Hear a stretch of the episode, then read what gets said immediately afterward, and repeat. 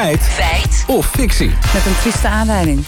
Ja, de schietpartij in Texas. De man van een lerares die daar deze week bij omkwam... is nu ook overleden. Zijn familie zegt dat hij ernstige hartproblemen kreeg... nadat hij bloemen bij een monument voor de school had gelegd. Je hoort een klein stukje van Fox News. The husband of the teacher killed in Texas passed away. Families say they believe Irma Garcia's husband Joe died of a broken heart not long after placing flowers at a growing school memorial. Een echt gebroken hart dus. Ja, dat hoor je wel eens vaker. Dat, partners vlak na elkaar overlijden. En dan zeggen dat mensen ook vaker gebroken hart of van verdriet. Maar bestaat er ook echt een gebroken hartsyndroom? Ja, zegt cardioloog Janneke Wittekoek gebroken hartsyndroom is zeker een, uh, een syndroom wat bestaat, laat ik, het, uh, laat ik het zo zeggen. Wat er kan gebeuren bij het verlies van een dierbare, of je ziet het ook wel eens uh, als er natuurrampen plaats hebben gevonden, dan zijn er, dat, dat triggert zo'n enorme stressreactie, dat dat eigenlijk een direct ja, soort toxisch effect heeft op de hartspier. En als het ware de hartspier helemaal verlamt. En daardoor pompt hij niet meer goed en dat zorgt dan weer voor zuurstofgebrek. En het komt best vaak voor, zegt Jos Widdershoofd. Hij is cardioloog in Tilburg. We zien het in het Elisabeth Stedenziekenhuis in Tilburg. Een 30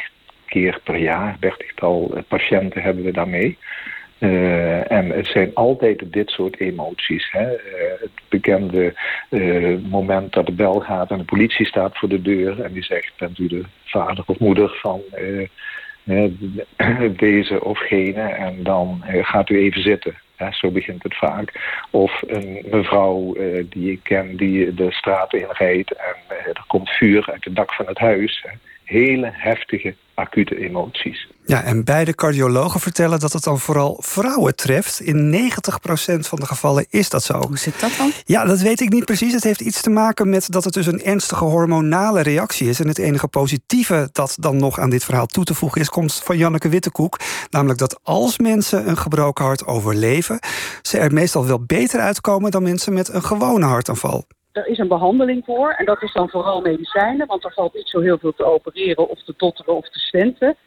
En het goede nieuws is ook dat als je zo'n gebroken hartsyndroom overleeft, dat je vaak na een half jaar uh, ook helemaal geen restschade meer ziet aan het hart. Maar ja, dan moet je dus wel echt snel in het ziekenhuis terechtkomen. Ja, de man van wie de vrouw bij de schietpartij in Texas ook overleefd, hij is het dus niet gered. En dat kwam dan toch door een gebroken hart? Ja, het lijkt toch echt een triest feit inderdaad. Ja. Oké, okay, dankjewel.